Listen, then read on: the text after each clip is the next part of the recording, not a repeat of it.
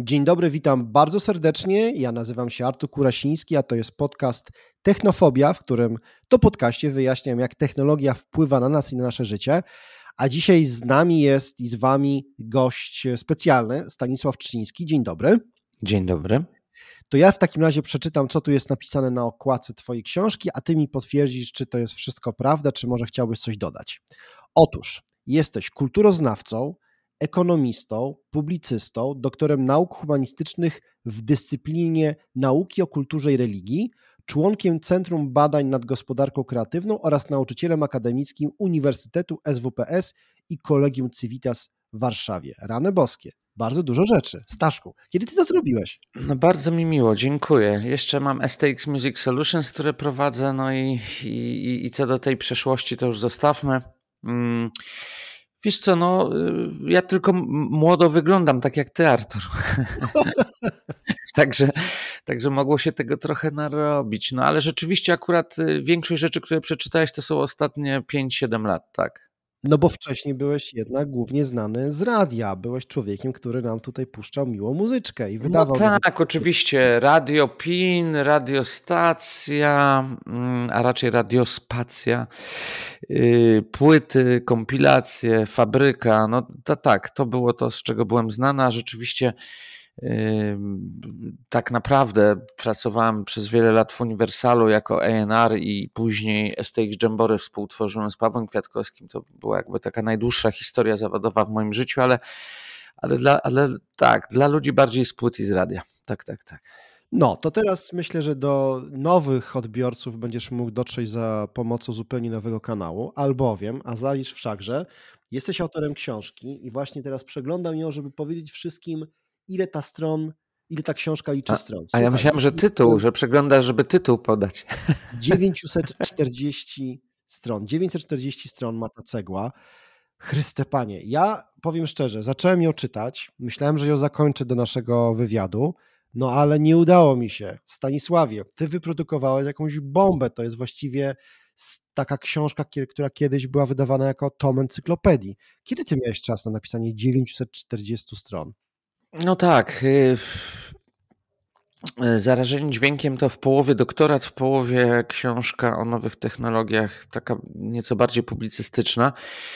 Jeżeli chodzi o książkę naukową, czyli o tę część doktorską, pisałem to 7 lat mm, i rzeczywiście tam przede wszystkim są cztery badania i te badania były też dość czasochłonne i pracochłonne.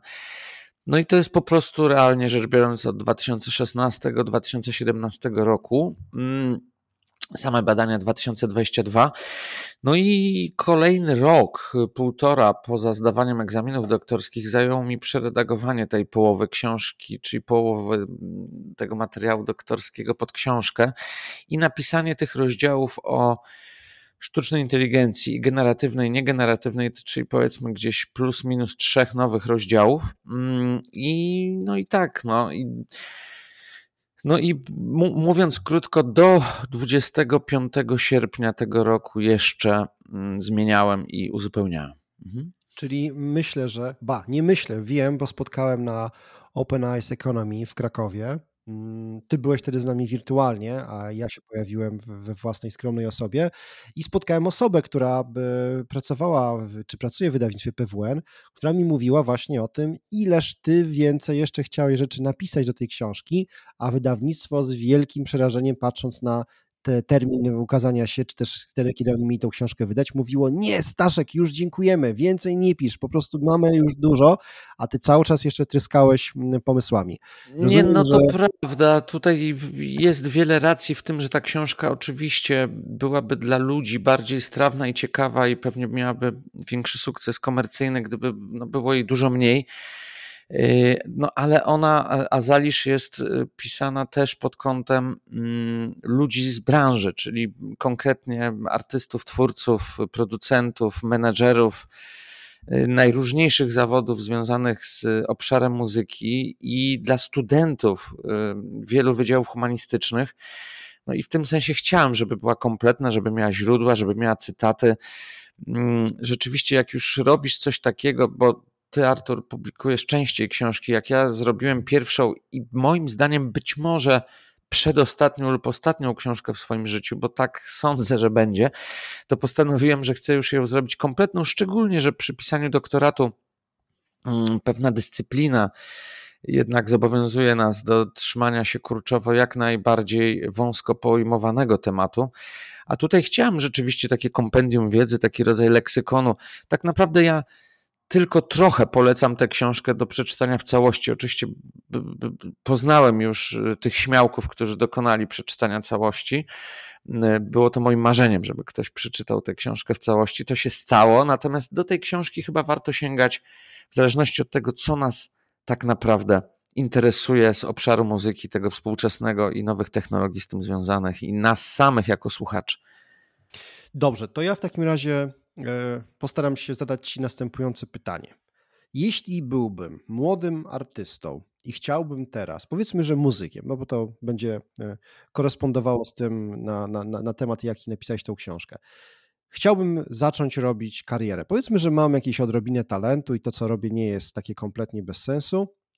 To powiedz mi z Twojego punktu widzenia i e, po tych badaniach, które zrobiłeś, jaką widziałbyś dla mnie karierę, i co musiałoby się stać, co musiałbym obstawić w, w showbizie, żeby mi się udało, żebym zarobił na chleb i, no, i miał powiedzmy jakąś tam wizję na emeryturę. No więc właśnie tutaj akurat starałem się, mm, może nie tyle pisząc książkę, co przykując się do doktoratu y, i ucząc się do tego doktoratu, staram się patrzeć na cały rynek, y, na, na wszystkie sektory kreatywne, tak samo podczas badań w Centrum Badań właśnie SWPS-u y, pracujemy nad de facto wszystkimi sektorami i tutaj widać jednak specyfikę, żeby odpowiedzieć na Twoje pytanie, widać no, mocną specyfikę rynku muzycznego jednak, bo w rynku, w przypadku rynku muzycznego i śmiem twierdzić, że może to być nawet jedyny sektor y, kultury, jedyny sektor kreatywny, aż tak tego wymagający. My po prostu jesteśmy między cały czas znaczy twórcy, tak, czyli przede wszystkim artyści, bo jako takiego muzyka młodego, utalentowanego, czy to instrumentalistę, czy to wokalistę cię traktuje w odpowiedzi na to pytanie, no my musimy dzisiaj, y, bardzo przykro mi to powiedzieć, ale cały czas żyć w kontakcie ze swoimi fanami i ten taki ultra obowiązek social mediów dla nich jest po prostu jednym z dwóch głównych wyzwań, i nie ma od tego odwrotu. Oczywiście są artyści, którzy nie istnieją w mediach społecznościowych i odnoszą sukces, ale to jest absolutnie wyjątek od reguły. Jedno z najważniejszych w tej chwili dla tych artystów y, obowiązków i mm, ewidentnie rzeczy, z której nie mogą zrezygnować, to jest właściwie codzienne karmienie swojej fanbase'a y, poprzez media społecznościowe. To jest oczywiście w przypadku generalnie rynku Y, celebrytów, y, nie wiem, youtuberów, oczywiste, ale już w przypadku kultury jako takiej, nie wiem, w przypadku pisarzy, aktorów, wcale niekoniecznie obowiązkowe. W przypadku muzyki, niestety, teraz podczas tej epoki streamingu, y, to jest jedna noga obowiązkowa, druga noga obowiązkowa to jest takie. Mm, takie pokierowanie swoim, swoją karierą czy swoją twórczością, żeby być obecnym na półkach w sklepie. Dzisiaj na półkach w sklepie to nie jest y, salon Empiku, tylko dzisiaj na półkach w sklepie to są playlisty w streamingach. I teraz trzeba być na tych playlistach można to uczynić poprzez duże wytwórnie płytowe, które są sobie agregatorami cyfrowymi. Można to zrobić bez żadnej wytwórni, mając pośrednika w postaci sensownego agregatora cyfrowego, raczej jednego z dwóch w Polsce w przypadku polskich artystów, ale na świecie jest y, dużo więcej tych agregatorów. No względnie można być też z małą wytwórnią związanym, niewielką, która z takim agregatorem współpracuje. Jakby te dwa elementy, socjale obecność na playlistach e, to jest e, kwestia tego, czy zaistniemy, czy nie zaistniemy w dystrybucji współczesnej muzyki. Natomiast i tak najważniejszą radę, którą też cytuję w swojej książce, która jest dosyć oczywista, którą zresztą powtarzam po wielu osobach, które cytuję i sam w to wierzę święcie, to jest taka graj koncerty, graj, graj, graj, jeszcze raz graj. I tak naprawdę y, można sobie też poradzić dzisiaj na tym rynku, na przykład muzycznym, w bardzo ograniczonym stopniu y, na streamingach, czy bardzo ograniczonym stopniu w dystrybucji własnej muzyki nagrywanej, ale przede wszystkim koncertując. te streamingi, które jak wiemy, przynajmniej ty wiesz i ja wiem, nie przynoszą twórcom należnych pieniędzy póki co i są malutką kropelką w ich y, jakimś tam portfolio dochodów, y, no są oczywiście też dobrym nośnikiem promocji, reklamy dla tych koncertów. Ja mówię oczywiście teraz o artystach, wykonawcach, nie o autorach, nie o twórcach. I tutaj w tym przypadku mm, oczywiście no nie warto rezygnować z tego i, i warto mieć nowoczesny profil, y, dobrze, sensownie funkcjonujący w serwisach streamingowych, czy profile tak, na różnych serwisach streamingowych, no ale żyjemy głównie z koncertów, ale też ta baza fanowska się tworzy najbardziej naturalny sposób podczas koncertów i później właśnie do nas przychodzi na mediach społecznościowych czy właśnie w streamingach. Jeszcze za czasów niecyfrowych to również była najlepsza możliwość dotarcia do swoich fanów, czyli po prostu granie koncertów, choćby bardzo dużej ilości bardzo małych koncertów, niekoniecznie dużych no taką bym miał odpowiedź, chociaż powiem szczerze, mm, całą tę książkę napisałem głównie właśnie z taką myślą, żeby ktoś mógł samemu sobie odpowiedzieć na to pytanie, nie w tak skróconej formie, jak ja to teraz powiedziałem na potrzeby tej naszej rozmowy, no bo tam jest jeszcze dużo niuansów oczywiście. Mhm. A kwestia merchu, sprzedawanie rzeczy związanych z artystą, artystką, typu koszulki, znaczki. Nie no, mój drogi, to jest oczywiście fantastyczny biznes dla tych już artystów, którzy się wykluli, bo ja miałem na myśli odpowiedź na twoje pytanie jeszcze nie wyklutego artysty. Teraz, jak już się artysta wykluł, to teraz sobie powiedzmy szczerze, pomijając merchandising, który jest y, też bardzo istotny, czy różne specjalne edycje, prawda, winylowe, no generalnie mm, dodatkowe rzeczy do streamingów i social mediów, y, to, to tutaj warto chyba wspomnieć, że w tej chwili cały model biznesowy na świecie wytwórni opiera się na tak zwanych artist brands i mówimy oczywiście o y, powiedzmy mainstreamie albo też w każdej kategorii mm, muzycznej o topie.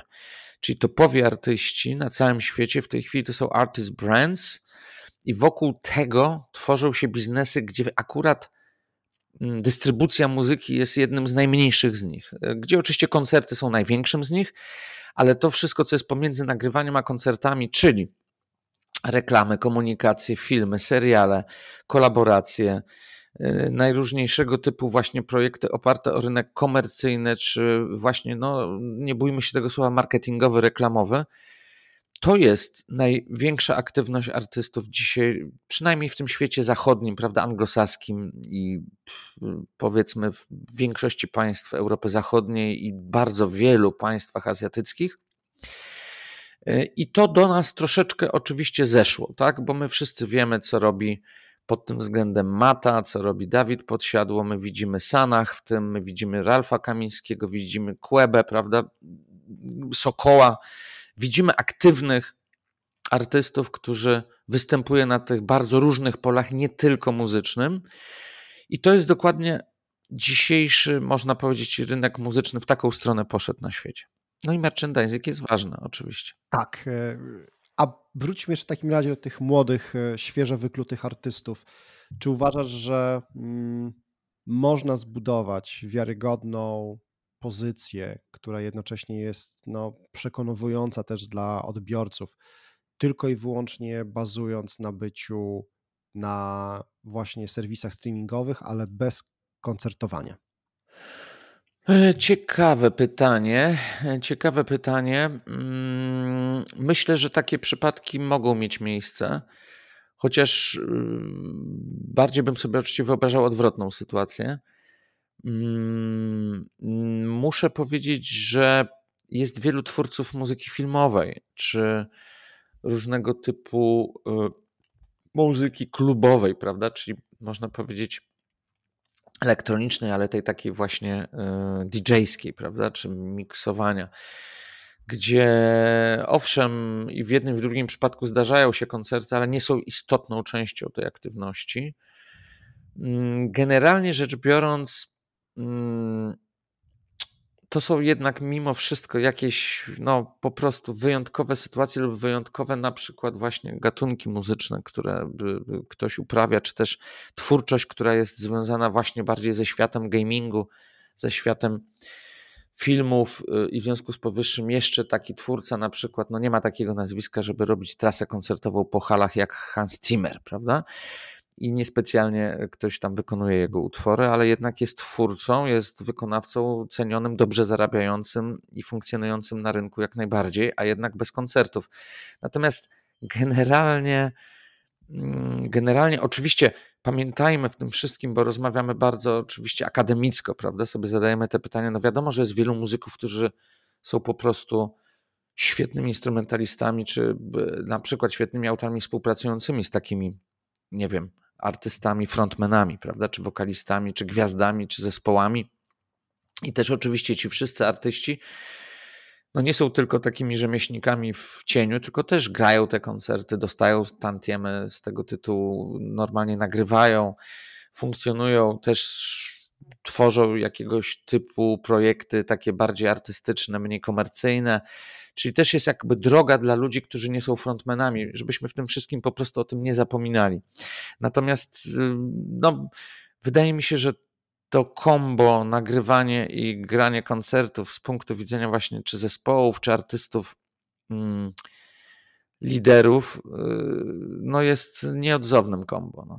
Tak odpowiadając z tymi wyjątkami wcześniej, jednak uważam, że y, bez koncertów troszeczkę nie ma życia. Chociaż wirtualni artyści są, tak? Bo pewnie o tym może pogadamy dzisiaj, może nie, no ale sztuczna inteligencja, jak wiemy, poza różnymi e, tam narzędziami interesującymi dla nas samych, dla słuchaczy czy dla samych artystów, no, też generuje wirtualnych idoli, szczególnie fazy jest ich wielu. No, moim zdaniem koncerty tych wirtualnych idoli też będą ciekawe i myślę, że to się będzie działo i będą takie koncerty, ale jak rozumiem, głównie nie ma tych koncertów dzisiaj, a ci idole tam mają po wiele milionów odtworzeń, więc na przykład wirtualni idole mogą żyć bez koncertów, z tego wynika. Mhm. No tak, jest tym, jest tym jakaś logika. A powiedz mi, bo y, obserwuję taki trend, może to do mnie tylko dociera, bo nie jestem z, z branży muzycznej bezpośrednio, ale widzę, że dużo, albo inaczej, kilku dużych twórców ostatnio sprzedało prawa do swoich mm, wszystkich albumów, czyli pozbyło się ich. E, powiedz mi, co, za tym stoi? No ja rozumiem, że to jest kwestia budowanie jakiegoś zaplecza finansowego, ale czy, czy też jest jakimś za tym stoi jakaś, jakaś, jakaś jeszcze kolejna decyzja, o której nie wiemy? Mm, no ja stawiam w mojej książce Zarażenie dźwiękiem taką tezę. Oczywiście popieram ją wieloma innymi naukowcami mądrzejszymi od siebie ze świata że to się dzieje z tego oto powodu, bo y, oczywiście tutaj musimy rozróżnić buyouty, te takie pozytywne, komercyjne, uczciwe i buyouty nieuczciwe. Znaczy to, o czym ty mówisz, to jest. Mm, to jest taka sytuacja, w której znajdują się inwestorzy, fundusze inwestycyjne, po częstokroć to są największe światowe wytwórnie y, z pieniędzmi tychże funduszy lub inwestorów, że pojawia się po prostu klient, który kładzie na stół tak duże pieniądze, że jest w stanie kupić cały repertuar Boba Dylana, czy Stinga, czy za chwilę Jacksona mm, od jego mm, spadkobierców, etc., etc. I teraz y, to jest sytuacja tego, ja to nazywam pozytywnego wykupu, bo te buyouty inne to są takie monopolistyczne zagrywki, na przykład Netflixa, który podpisuje takie umowy z młodymi twórcami muzyki, których wykupuje ich na całe życie w sposób taki tak zwany wrogi, wykorzystujący swój monopol tak, na rynku, że jeżeli tego nie podpiszesz, to nie będziemy w ogóle z tobą pracowali. Mm, to to jest ten zły buyout, ale ten twój buyout z pytania y, jest z tego powodu, jak wszystko na to wskazuje, że back katalog, repertuar stworzony lata temu, cykl jego życia jest e, albo bardzo długi, albo nawet e, póki co ciągły, nieskończony. Natomiast cykl życia tych artystów z pierwszych miejsc list przebojów streamingów, czyli w Polsce to jest hip-hop, chyba nie wiem, 17 na 20 utworów, tak? Topowych, mm, no ale na pewno 15 na 20 utworów topowych, plus jeszcze tam kilku wykonawców, powiedzmy, mainstreamowych. Ten repertuar żyje średnio około trzech tygodni. Przebój, mówię, przeboje, utwory, obrót nimi. Natomiast mm, według y, bardzo wielu danych, sprawdzonych po części z ubiegłych lat, bo z tego najnowszego, z 2022 chyba takich danych jeszcze nie y, mogłem opublikować, ale to z poprzednich lat, pokazuje, że główny obrót, największe pieniądze, mm, tak jak kiedyś na, przy nośnikach fizycznych było zresztą dosyć podobnie, nawet przy bardzo dużej sprzedaży czystych nośników y, y, topowych artystów, to jednak gro pieniędzy, wtedy to było chyba 35% przy czystych, y, przy fizycznych nośnikach to było 35-40% obrotu robił back katalog, czyli stare rzeczy. W tej chwili ten mm, chyba to jest powyżej 50% y, w streamingach obrotu starym repertuarem takim jak Queen, Lady Punk, prawda, te wszystkie stare rzeczy z lat 80., 90., 70., 60. Oczywiście tego jest y, w zależności od, od, od, od rynku bardzo zależy o jakim repertuarze mówimy, ale ten wykup już jest nie tylko taki, że Sting, Bob Dylan, ale tam schodzi to do poziomu kompozytorów, autorów tekstów, producentów, czy też wykonawców muzyki klubowej. Mówimy oczywiście raczej o globalnym repertuarze, światowym repertuarze, też po części azjatyckim repertuarze. Nie zeszło to aż tak bardzo do poziomu narodowych twórców.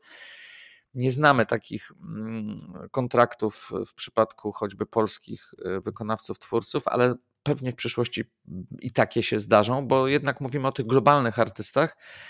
Natomiast raczej stoi za tym wszystkim nie to, co za chwilę się stanie, tylko po prostu wyniki. Inwestorzy widzą, że są w stanie na tym repertuarze według wzrostów planowanych tak z, ze streamingów, bo rzeczywiście banki inwestycyjne mm, prognozują te wzrosty właśnie na rynku subskrypcyjnym, płatnym streamingów, e, no to sobie obliczają mniej więcej wpływy, wiadomo, poprzez publishingi, i organizacja zbiorowego zarządzania wiadomo, ile generuje dany repertuar danego artysty. No i sobie obliczają, ile będzie generował w przyszłości po tych wzrostach, i opłaca się po prostu y, y, położyć gotówkę y, na stół. I oczywiście wiadomo, że w czasie COVID-u, mm, w czasie tych kilku lat zastoju, w przypadku tych najstarszych artystów, którzy nie mieli wiele do stracenia i nie czują, żeby mieli zapewne wiele życia przed sobą, plus chcieli zabezpieczyć kolejne pokolenia, dać kontrolę nad swoim repertuarem poprzez właśnie gotówkę dostaną, no po prostu się skeszowali, tak? Ale to, to jest wynik raczej tego, jak, jak konsumujemy tę muzykę w streamingu. No właśnie, ja jestem stary dziad, rocznik 74, więc e, boomer i pewnie Młodziak, młodziak. który pamięta właśnie złote lata Lombardu, Republiki, Lady Punk, no te najfajniejsze rzeczy, które takie mam wrażenie teraz, nie dość, że one wróciły, one cały czas były, one nigdy nie odeszły i, i, i to wszystko krąży w naszej kulturze. I powiedz mi, bo też pewnie masz w książce te badania, w twojej książce są, czy faktycznie jest tak, że to, co powtarzają tacy starzy, zgorzkniali ludzie jak ja, że to, co było kiedyś, muzyka, była lepsza, fajniejsza, ona otrzymywała się dłużej niż to, co jest tworzone teraz? Czy to jest moje podejście, które jest zafałszowane właśnie tym, że ja jestem człowiekiem pamiętającym 50 lat do tyłu? Mm, naprawdę staram się to można powiedzieć, że jest jakiś tam zarzut do mojej książki, że mieszam często wyniki badań z własną intuicją i staję się takim publicystą, ale zawsze zastrzegam to pisząc. I rzeczywiście w tym wątku moim, w tym, w tym takim moim podejściu bardziej jak ty, słuchacza, tak, zwykłego człowieka, odbiorcy muzyki, mam podobną taką wewnętrzną dyskusję, jak teraz to pytanie, które zadałeś, ponieważ ja generalnie tak uważam, jak powiedziałeś. Uważam, że mm, ponieważ z badań wynika, e, że jakość muzyki nie jest tak bardzo ważna i oczekiwana przez e, największą grupę odbiorców, co też widzimy po urządzeniach, których używa większość ludzi, czyli głośniczkach mono e, małych smartfonów do odsłuchiwania, nie tak jak my kiedyś sprzętu stereo w domu, prawda, który stał ale po prostu wystarczy im ta jakość małych głośniczków. Ja nie jestem w stanie słuchać na małym głośniczku smartfona, większość ludzi jest w stanie słuchać na takim głośniczku. Ja to nazywam nanosłuchaniem w tej książce. Otóż, otóż ponieważ tak jest, to generalnie rzecz biorąc, wszystko leci na łeb, na szyję i sam klimat, samo takie ogólne brzmienie, jakiś rodzaj mm, czasami charakterystycznego dźwięku czy motywu staje się istotny, a nie melodia, czy tekst, czy wykonanie, prawda? Jak kiedyś to było jednak jedno, drugie z trzecim razem istotne. Oczywiście catchy, fajne, przebojowe się przebijały bardziej, mm, nieco bardziej e, sentymentalne, czy nieco bardziej takie ofowe się przebijały mniej, ale gdzieś to było kombo, prawda? Tej melodii tekstu, produkcji, wykonania.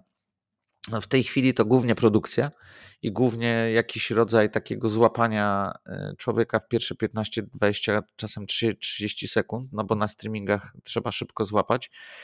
I nie wiem, i nie wiem. Mm, wydaje mi się, że troszkę tych dziadersów z nas wyłazi, bo nasi rodzice mówili dokładnie to samo, co my teraz, e, więc ja mam to poczucie. Ja mam to poczucie, że każde pokolenie myśli z rozrzewnieniem o tej muzyce swojej młodości i jest na pewno coś w tym, e, bez dwóch zdań. Natomiast no, ja nie znajduję, nie umiem znaleźć. To jest tak, że jeszcze w latach 90., e, no okej, okay, byłem dużo, dużo młodszy, zgoda, ale to słuchanie, nie wiem, 75% nowości to było oczywiste, czy 80%. Dzisiaj to jest 3-5%. U mnie nawet tyle nie jest. I gdzieś te streamingi spowodowały kolejne życie, kolejny rodzaj takiego kopania w tym repertuarze starym. Ja właściwie dzięki algorytmom, bo troszeczkę tam narzekamy na e, sztuczną inteligencję i na różne elementy z tym związane, takiej trochę manipulacji e, biznesu nami, bo tak jest, że te algorytmy głównie nam wpychają rzeczy, na których sprzedaży zależy e, biznesowi. Tak jak na półce sklepowej widzimy lepiej płyty, które chcą sprzedać też oczywiście organizacje biznesowe.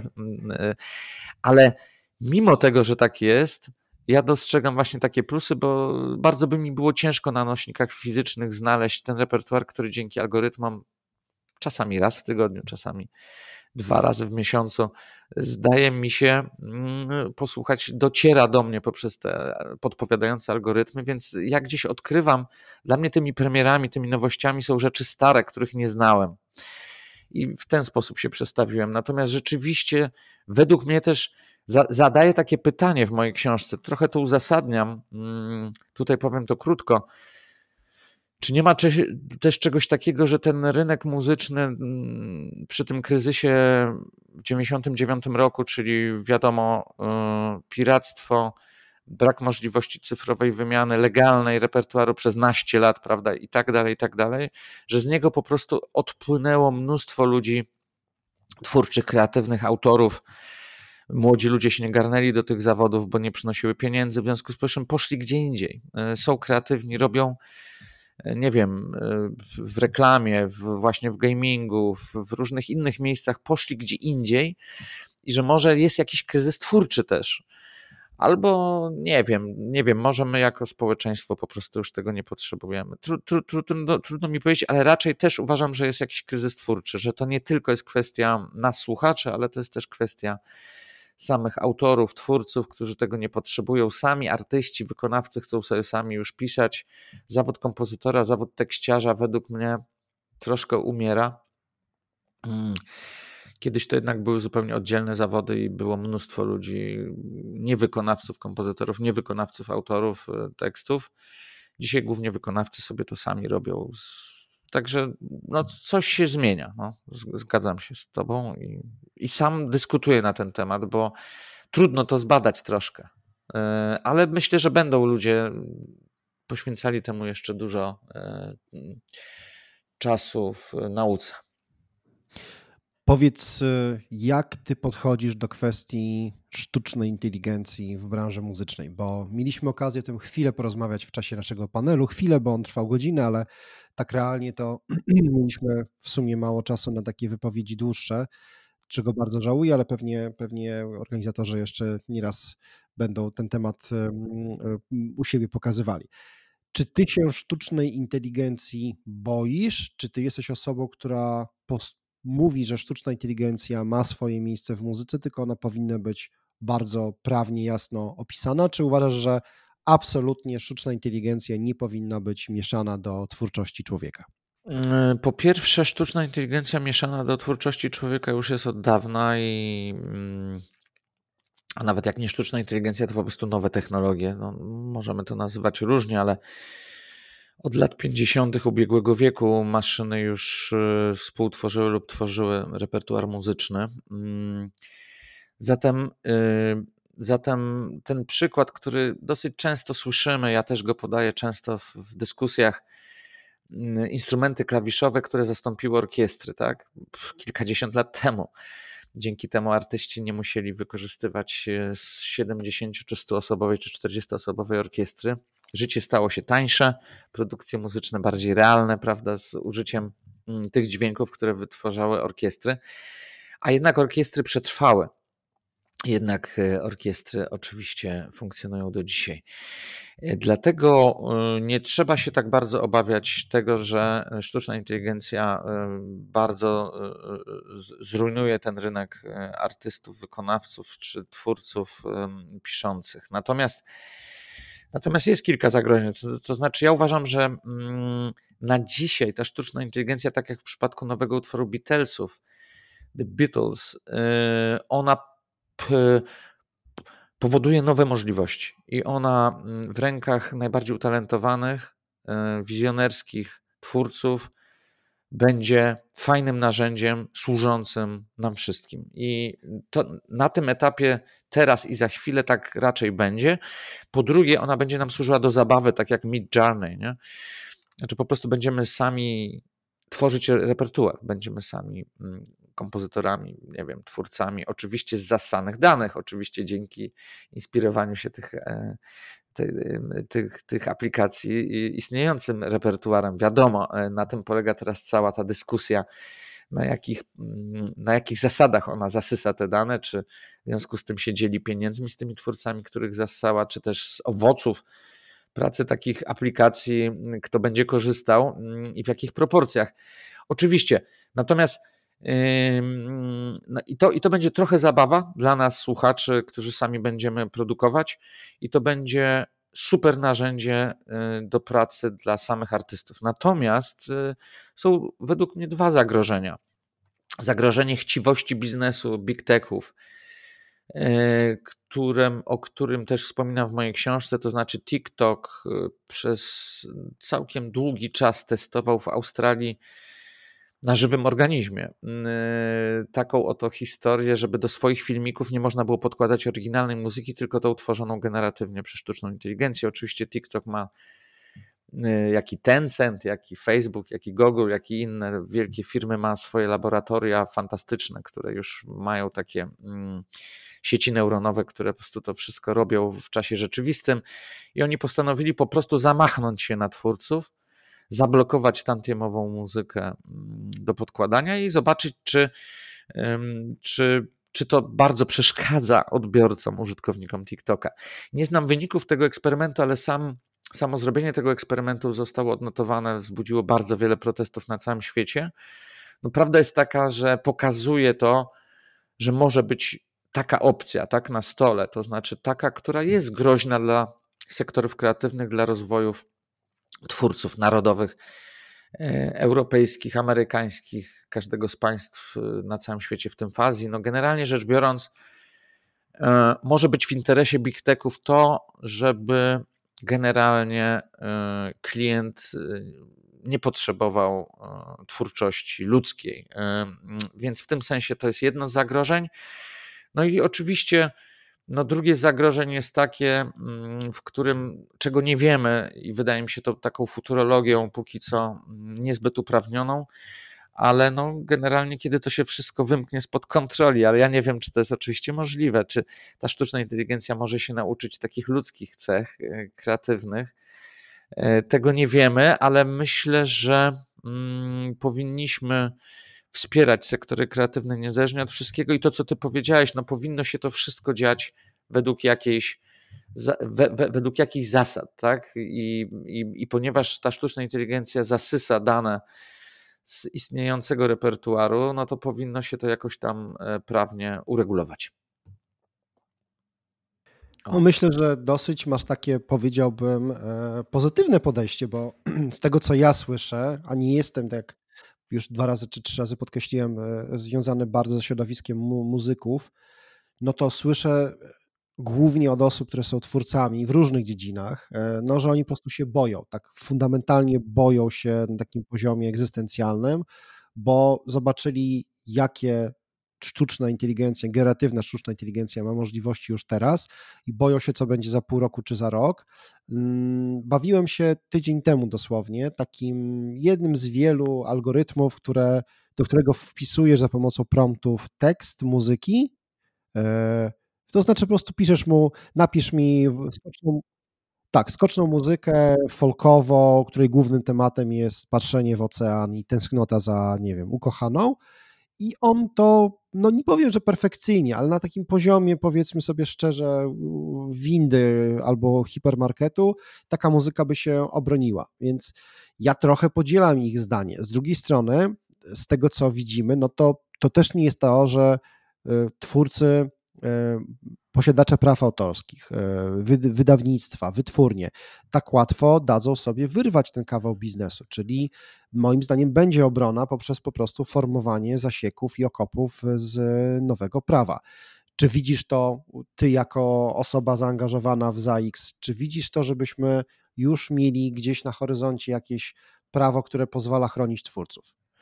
Tak, ja myślę, że ja myślę, że rzeczywiście jest tak że e, w przypadku obszaru muzyki, w odróżnieniu od obszaru obrazu i tekstu, e, dosyć łatwo będzie złapać za rękę e, mm, i właśnie poprzez możliwość, że te prompty się po prostu pisze tak, że tam konkretnie co mamy naśladować. I i że to będzie i zasysa już właśnie ten taki repertuar ala ktoś tam, czy z głosem czyimś, czy z gitarą czyjąś, czy mm, z melodią czyjąś, produkcją, to rzeczywiście tutaj y, już od razu, zresztą jakiś czas temu, ja to też opisuję w książce, już od razu tam w, w, w departamencie stan, y, na, na, znaczy w odpowiednim miejscu, w każdym razie w, w, w hierarchii stanów w Stanach Zjednoczonych zostały złożone te pozwy takie mm, już dotyczące właśnie zasysania danych przez konkretne systemy. E, I rzeczywiście dlatego toczą się te negocjacje, bo w tym obszarze muzyki jest to do złapania za rękę od razu. I to są dotkliwe historie, bo to są od razu duże wytwórnie, które stoją za tymi pozwami naprawdę o duże pieniądze. Mm, I tych spraw jest wiele w tej chwili w Stanach. Więc oni muszą się dogadać i w odróżnieniu od rynku obrazu i w odróżnieniu od rynku słowa, w przypadku obszaru muzyki ci giganci technologiczni również są inwestorami w największy przemysł muzyczny. Czyli trochę rozmawia e, sam ze sobą, prawda? Czyli, że musi jakby się sam ze sobą dogadać, na jakich zasadach to ma funkcjonować, bo też może stracić na tym. I dlatego myślę, że się jakoś tam porozumieją. Natomiast to, czym się bawiłeś, co jest ciekawe, no to po prostu tylko i wyłącznie, jak wiesz doskonale, od, od tego, ile tych danych zasie, jak bardzo się nauczy ten algorytm, znaczy ta sztuczna inteligencja, czy ten dany system, będzie zależało, jak bardzo dobry produkt dostaniesz e, z drugiej strony, więc póki co to jest trochę zabawa, ale rzeczywiście za chwilę to będzie na bardzo wysokim poziomie. To podobnie jak w obrazie i w tekście. Zatem można powiedzieć, że e, wielu artystów takich. Hmm, którzy nie są najbardziej utalentowani, nie są najbardziej successful, nie mają super pomysłu na siebie, są takimi troszeczkę medium rzemieślnikami, no mogą drżeć o y, kawałek chleba, bo rzeczywiście nie będą potrzebni do produkowania muzyki, nie wiem, do restauracji, do mm, sklepów, chociaż ja nadal uważam, że ta oryginalna dużo lepiej działa i są na to badania, no ale nieważne, póki co tak jest, że Sans dobrze działają w tego typu miejscach, funkcjonują. E, no i generalnie rzecz biorąc, w muzyce elektronicznej, klubowej, w części muzyki mainstreamowej będą to artyści do zastąpienia, bo ja na przykład podaję przykład troszeczkę trudny dla naszego rynku muzycznego. No, jest on oczywiście obarczony też moją oceną, więc przepraszam za to z góry, ale czy naprawdę słuchacz Radia SK, czy jest mu zasadniczo, czy dla niego to jest ważne, kto to wykonuje, kto to wyprodukował, kto to napisał? Nie do końca. Dla nas, y, też odbiorców takich bardziej aktywnych, świadomych, których ja też opisuję, selekcjonuję w moich badaniach, bo są różni, po prostu jesteśmy w różnym stopniu zaangażowani. Ci bardziej zaangażowani, dla nich będzie bardzo ważne to, że Unia Europejska teraz e, walczy o to, żeby oznaczać te dzieła, prawda? Będziemy mieli oznaczone te dzieła AI mm, i super. I myślę, że to będzie ważne, ale czy dla tego słuchacza Radia SK to jest ważne? Nie jest ważne. Dlatego będą miejsca, będą gatunki muzyczne, będą produkcje, gdzie absolutnie ta sztuczna inteligencja wkroczy z hukiem. Myślę, że też do gamingu. Oczywiście są już, y, jest szereg aplikacji, które nam dostosowują muzykę w ogóle do fabuły, tak? Czyli od razu w ogóle jednym przyciskiem ta muzyka jest dostosowywana do tego, co się dzieje, y, w jaki sposób się zachowujemy, jak dynamicznie się zachowujemy. I to już normalnie y, podkłada ta sztuczna inteligencja, więc, więc oczywiście, że będą obszary, gdzie się rewolucyjnie to zmieni, no ale to no co tu dużo mówić, przy wynajdowaniu właśnie radia, instrumentów klawiszowych, później kolejnych nośników fizycznych, teraz streamingów, zawsze to jest jakaś rewolucja. A jak jest rewolucja, to jest kontrrewolucja i ludzie e, szukają tego dojścia do tego żywego człowieka, żywego twórcy, żywych emocji. E, też na przykład uważam, że wejdą za chwilę koncerty wirtualne ostro. I też uważam, że sztuczna inteligencja w tym bardzo pomoże i też rozwój technologii tych takich, e, powiedziałbym, wyświetlania i dźwięku. Czyli no, jeżeli ten metavers y, się rozpowszechni, no okej, okay, ale jeżeli się nie rozpowszechni i przejdziemy na kolejny etap, że ten metavers będziemy mieli wokół siebie w miejscu, w którym się znajdziemy, to wszystko jest możliwe, to myślę, że będą koncerty wirtualne bardzo rozpowszechnione i mimo tego według wszystkich badań nie oznacza to końca koncertów na żywo, a wręcz odwrotnie oznacza to dotarcie z koncertami na żywo jeszcze szerzej do kolejnych odbiorców, tak jak radio nie zastąpiło sal koncertowych, tylko rozszerzyło publiczność. Mm, wydaje się, że to, e, że my jako ludzie jednak potrzebujemy, to widać też po covid tak? To, co się wydarzyło na rynku muzyki na żywo teraz, w czasach streamingowych, e, cyfrowych, po covid to odbicie rynku chociażby polskiej muzyki, koncertów, polskich artystów, to jest rzecz, której nigdy w historii jeszcze nie było. To znaczy, my po prostu, i to też śmiesznie, bo w mojej książce wszyscy ludzie reprezentujący, ja to zresztą opisuję ten fenomen, jeszcze jakby zdążyłem go przeanalizować. Wszyscy moi rozmówcy, miałem tam 26 rozmówców z każdego typu mm, działalności na rynku muzycznym, szefów firmów, sam, firm, samych artystów, mm, systemów biletowych, dużych agencji koncertowych. Oni wszyscy byli przekonani, że ten rynek przez wiele lat się będzie odbudowywał. On się odbudował w pół roku i po roku jest wielokrotnie, wielokrotnie większy niż w 2019 roku. To też coś pokazuje, tak sądzę. No myślę, że możemy zaryzykować, zresztą ja często to, to mówię, że my jako zwierzęta stadne, jako ssaki naczelne, jako po prostu istoty społeczne szukamy drugiego człowieka i to, co stało się po pandemii, chęć spotykania się, wychodzenia z tej izolacji, dotykania się, smakowania świata, patrzenia wszystkimi zmysłami, myślę, że to samo będziemy mieli do czynienia z rzeczywistością zmieszaną rzeczywistością wirtualną z mm, sztuczną inteligencją, to znaczy będziemy pragnęli widzieć po drugiej stronie człowieka.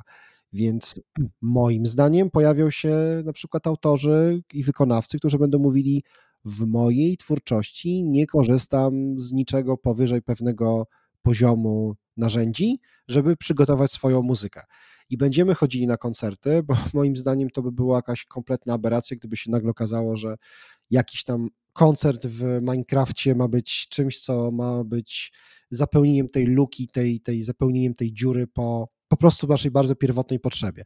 Natomiast zgadzam się, masowy gust użytkownika kształtowany na masowych produkcjach, na autotunie i jechaniu na po bandzie, sprzyjaniu bardzo prostym rytmom i utworom powoduje, że tak, więcej będzie słuchaczy Radia SK na pewno niż wysublimowanych i bardzo łaknących nowości takich świadomych odbiorców.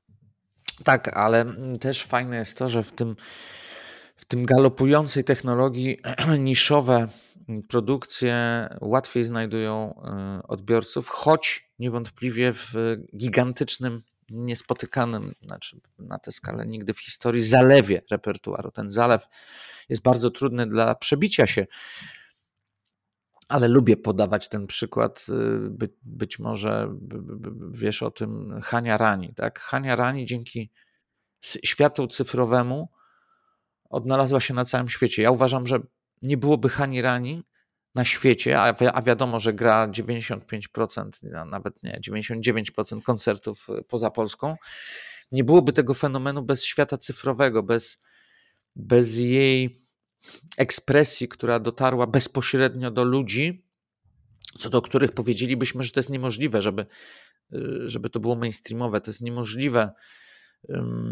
nie da się takiej rzeczy w świecie komercyjnym, tym takim masowej, popularnej muzyki, nie da się tego wypromować. Tymczasem nie trzeba było tego promować, bo to po prostu dotarło bezpośrednio do odbiorców. I da się to zrobić, i może to być oddolne. Yy, niestety, informacja moja dla potencjalnych tych słuchających nas artystów czy artystów jest taka, że no to tak jak w świecie kiedyś fizycznym, jak jeszcze nie było cyfry, to jest jeden na tysiąc. No. Niestety, kochani, przykro mi to powiedzieć, ale tak to paskudnie jest w świecie sztuki, że taki sukces po prostu odnosi jeden na tysiąc, e, czy może nawet więcej, czy mniej niż na ty, no, może nawet jeden na dziesięć tysięcy, czy no niestety tak jest i jedne rzeczy nas poruszają, inne nas nie poruszają i to się nic nie zmieniło, tak? Czy w cyfrze, czy w świecie e, fizycznym. Natomiast właśnie Hania bez cyfry, bez social mediów, bez swoich playlist, bez tego klimatu, który tworzy wokół siebie, bardzo fajnego, skromnego, e, lubianego przez ludzi, bardzo nieokreślonego gatunkowo, tak? Bardzo trudno ją zdefiniować. No ona jest takim czymś, takim zjawiskiem, który pokazuje właśnie in plus e, w, tej, w, ty, w tych warunkach cyfrowych. Hmm? Trzymajmy się zatem tego, że y, będziemy mieli możliwość eksponowania właśnie niż i y, ci artyści, którzy potencjalnie w ogóle nie marzą nawet o tym i, i nie mogą myśleć o zdobywaniu takich rynków jak Taylor Swift, no, że oni jednak mają swoje miejsce w tym, w tym ekosystemie i że ich twórczość również będzie miała swoich odbiorców.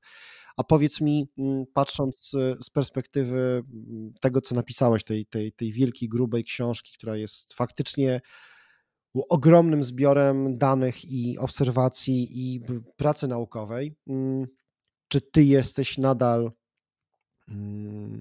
zwolennikiem takiej teorii, że że faktycznie w tym showbizie to, to rządzą nadal twórcy, czy to raczej jest tak, że to już skazane jest na, na porażkę i po prostu to wszystko jest zalgorytmizowane, to jest wszystko poddane biznesowi. Innymi, innymi słowy, czy nadal fajna, dobra osoba, która chce tworzyć fajną muzykę i przebije się, czy raczej po prostu musi pewnym momencie pójść na kompromis i stać się częścią tego systemu?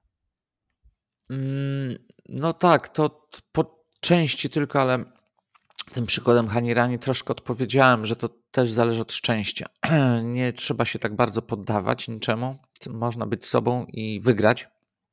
Absolutnie to jest możliwe, tyle tylko, że to się po prostu statystycznie od zawsze zdarzała bardzo niewielu, a teraz jeszcze bardziej niewielu, no bo ten zalew jest większy niż kiedyś. Natomiast myślę, że Y, kreatywność y, i, mm, i generalnie innowacyjność ludzka też w tym obszarze kultury i, i szczególnie muzycznej, którą się zajmuję, jest wciąż najważniejsza. Na razie na pewno tak jest.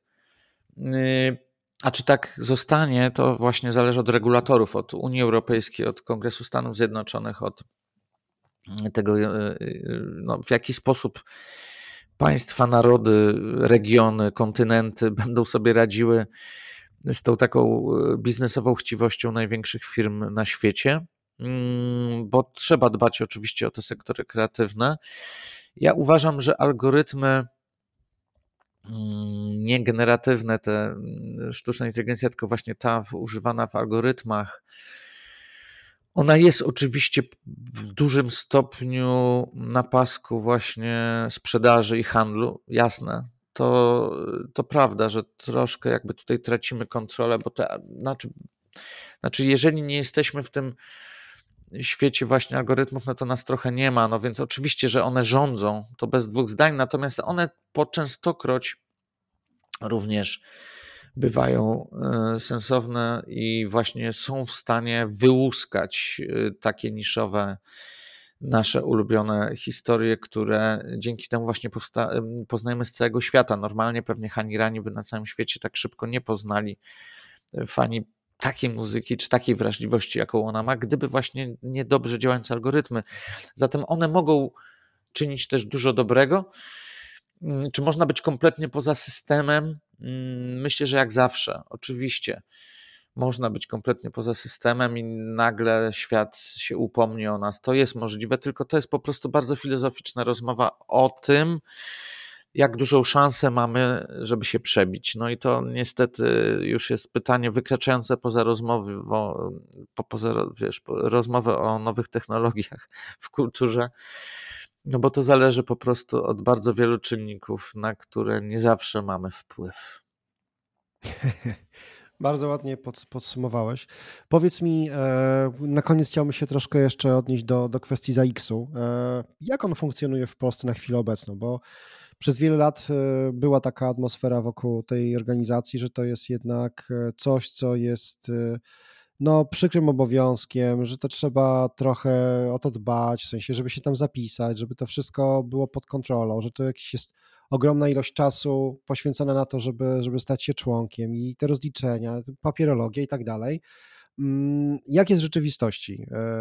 Jak można zapisać się do ZAX-u? Co trzeba zrobić i czy, czy to jest to jest gra warta świeczki, bo, bo też pewnie pod koniec dnia dużo twórców zastanawia się, no dobra, zapiszę się, ale co mi ten ZAX tak naprawdę tutaj zapewnia?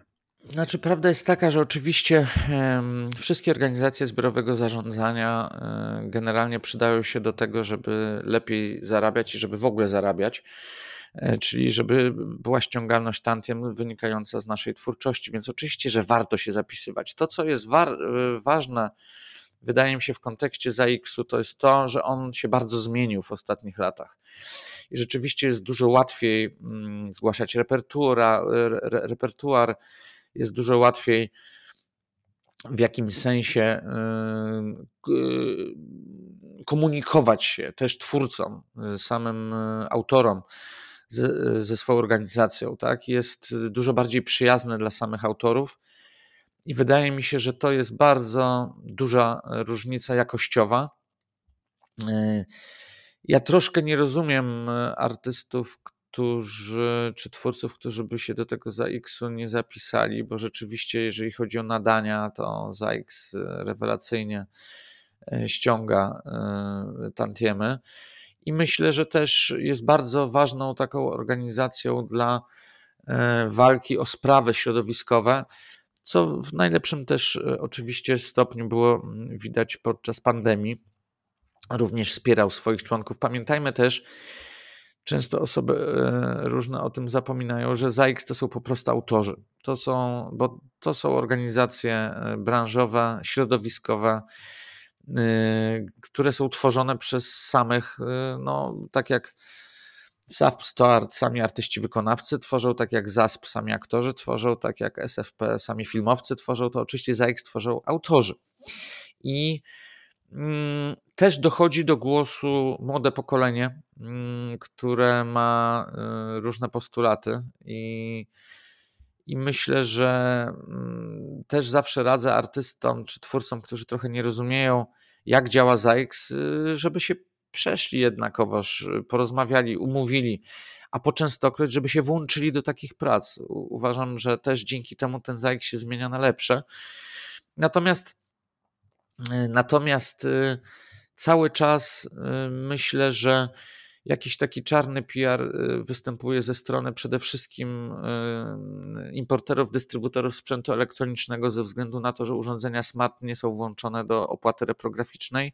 To jest bardzo silny lobbying. On jest też związany zresztą z największymi cyfrowymi firmami świata, tak jak Google, bo to jest podobne, jakby to powiedzieć, środowisko lobbyingowe i konkretne organizacje, które za tym stoją, które lobbują e, na rzecz właśnie braku tej, e, tych urządzeń na liście czystych nośników e, i urządzeń mm, w opłacie reprograficznej. Uważam, że do momentu, kiedy nie zostanie to przecięte normalnym rozporządzeniem ministra kultury, to tak będzie, że tam delikatny taki czarny PR się będzie zawsze sączył ze strony tych organizacji.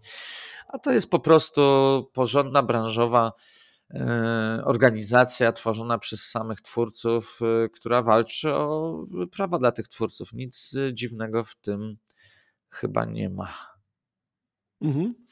Na zakończenie powiedz mi, e, patrząc na to, jak w Polsce wygląda scena muzyczna, czy ty uważasz, że będziemy mieli problem z polskimi twórcami, polskimi twórcami, którzy tworzą polski content, czy zostaniemy zalani przez e, zagraniczne e, wytwórnie, w sensie one będą produkowały i one będą tutaj na nasz rynek, na naszym rynku mocno promowały swoją twórczość.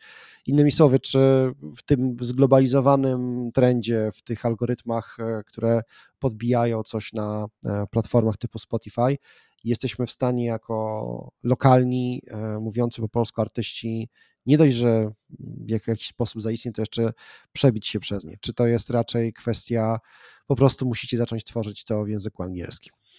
No to jest oczywiście pytanie mm, nie tylko związane z tym ostatnim okresem, tych, tej ostatniej dekady cyfrowej. Tak samo było w przypadku przebijania się tych naszych artystów w przeszłości. Bariera językowa jest gigantyczna. Mm, nasi lokalni twórcy po częstokroć próbują się przebić, no, jeżeli wykonują akurat muzykę poważną, filmową, folkową, elektroniczną. E, jakąkolwiek, gdzie ten język nie jest aż tak bardzo istotny, to oczywiście e, zdobywają sukcesy. Udaje się, to są oczywiście raczej pojedyncze przykłady, ale zdarza się naprawdę przebić. Natomiast no myślę, że język polski jest barierą nie do przejścia mm, w miażdżącej większości przypadków. Jeżeli chodzi o teraz te nowe technologie, streamingi, to. Mm, to oczywiście, że dobrze funkcjonują e, też lokalni artyści na wielu rynkach. Kłopot polega na tym, że nie zarabiają, że tylko globalni właściwie artyści zarabiają. Ci lokalni nawet przy bardzo wielu wejściach jakimś dziwnym trafem nie zarabiają i to jest po prostu nieproporcjonalne, ja mogę powiedzieć prywatnie, co myślę, nieuczciwe mm, rozliczanie tych wynagrodzeń. Dlatego między innymi właśnie Kongres Stanów Zjednoczonych się za to zabrał, za chwilę się Unia Europejska za to zabierze generalnie.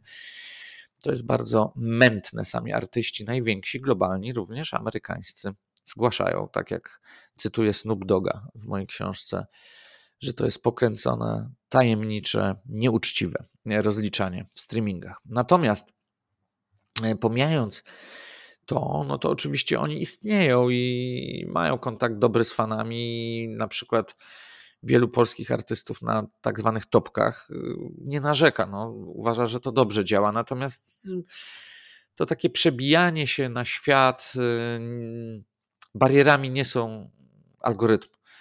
Barierą jest język polski najczęściej. No i nie wiem, czy można to nazwać optymistycznym zakończeniem, ale... ale... nie, no oczywiście. No, wystarczy, że po prostu będziemy wykonywali taką twórczość, która nie będzie oparta o język polski, ale poza tym no zobaczmy, my i tak nie mamy na co narzekać jako Polska. Mamy wielu odbiorców. Yy, to jest kraj, który jest wielkości kilku innych państw, prawda, mniejszych europejskich. My mamy naprawdę ogromne audytorium i, i tak wydaje mi się, że dzisiaj polscy artyści nie mają na co narzekać, jeżeli chodzi o chociażby ten rynek koncertowy, proszę zauważyć. Dobrze, to była tak. pozytywne zakończenie. Tak. Udało nam się z tego dosyć e, dużego zespołu mm, informacji, które być może nie, niektóre będą, no tak, e, do, do niektórych nie, artyści, twórcy będą podchodzili dosyć mm, sceptycznie. Udało nam się jednak wziąć coś, coś pozytywnego. E, Staszku, bardzo Ci dziękuję serdecznie za pojawienie się, podzielenie się Twoją wiedzą. Bardzo dziękuję A... za zaproszenie przede wszystkim. No, cała przyjemność po mojej stronie. Dla tych, którzy słuchają, zostali z nami do tego momentu, raz jeszcze. Stanisław Szczyński, Zarażenie dźwiękiem, rynek muzyczny w czasach sztucznej inteligencji. Polecam książkę. naukowe PWN, wydawnictwo naukowe PWN i dodajmy, że jest też audiobook 34-godzinny. E, jest e-book, jest wersja papierowa, oczywiście ta główna. Jest też audiobook od bardzo niedawna. Mhm. Więc jeśli polecam. dużo podróżujecie, na przykład tak jak ja, i nie wiecie, co robić z czasem wolnym w samochodzie, polecam zapuścić sobie audiobook i wtedy naprawdę miło będzie Wam się e, czas, mm, czas się nie będzie właśnie wtedy dłużył. E, Wszystkie linki znajdziecie na zarażeniedźwiękiem.pl, na stronie, gdzie ja po prostu tak naprawdę poświęcam ją przedstawieniu, co to jest za książka, jakieś recenzje, krótkie fragmenty, no i właśnie linki do tych różnych e, form. E, zarażeń dźwiękiem.pl. Super. No to już wszystko wiemy, wiemy gdzie znaleźć książkę, wiemy na jaki temat e, ją napisałeś, wiemy, że jest długa, gruba i na pewno jest bardzo mięsna. Sokół mówi, że nie należy się jej bać, jej rozmiaru. Sokół ją przeczytał, ja mam takie jedno pytanie.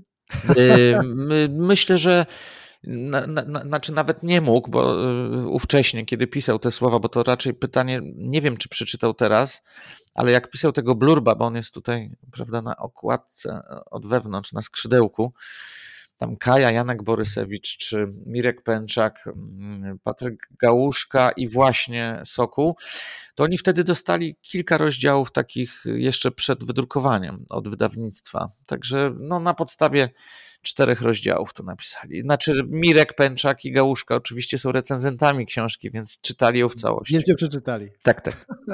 tak. Dobrze, kiedyś jak spotkam Wojtka Sokoła w centrum, to pozdrowię go pytaniem, czy przeczytałeś książkę Stanisława Czcińskiego Zarażenie dźwiękiem? Jeżeli tak, to co znajduje się na stronie 684?